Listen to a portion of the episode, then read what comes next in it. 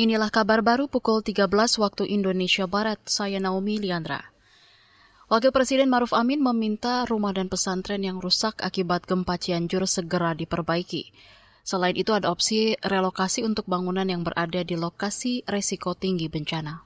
Uh, ke rumah yang rusak kecil itu kan sudah ada keputusan di Presiden diberi 25 juta, yang rusaknya berat itu 250 juta, yang kemungkinan tidak mungkin bisa dibangun lagi karena situasinya yang membahayakan mungkin direlokasi.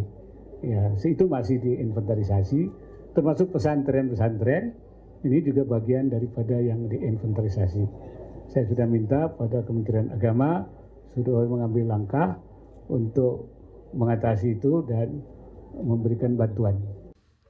Wakil Presiden Maruf Amin pun meminta pengungsi ditangani secara maksimal, mulai dari penyediaan akomodasi serta akses listrik dan air. Kata dia, trauma center bagi anak-anak korban gempa juga mesti dibangun. Kita ke soal lain, persoalan hukum di Indonesia dinilai cukup rumit dan berat, salah satunya karena adanya mafia hukum. Hal ini diungkapkan Menteri Koordinator Politik Hukum dan Keamanan Mahfud MD di Gala Dinar Munas Keluarga Alumni Himpunan Mahasiswa Islam Kahmi kemarin.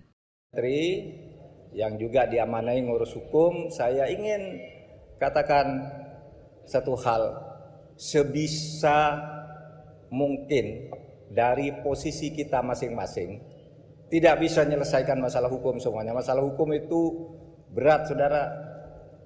Berat, mafianya di mana-mana. Kalau ada orang memperbaiki, disikat.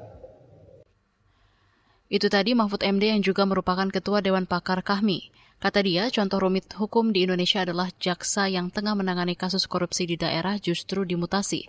Alhasil pengusutan kasus rasuah itu dimulai lagi dari awal. Kasus semacam ini, kata Mahmud, juga terjadi di kepolisian.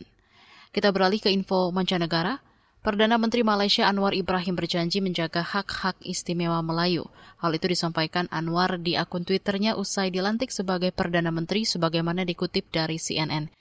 Kata dia, hak keistimewaan kaum Melayu akan dijamin tanpa meminggirkan hak kaum Cina, India, suku kaum Sabah, dan Sarawak, serta pribumi.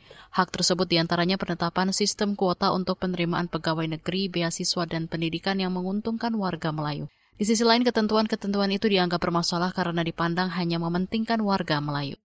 Demikian kabar baru, saya Naomi Liandra undur diri.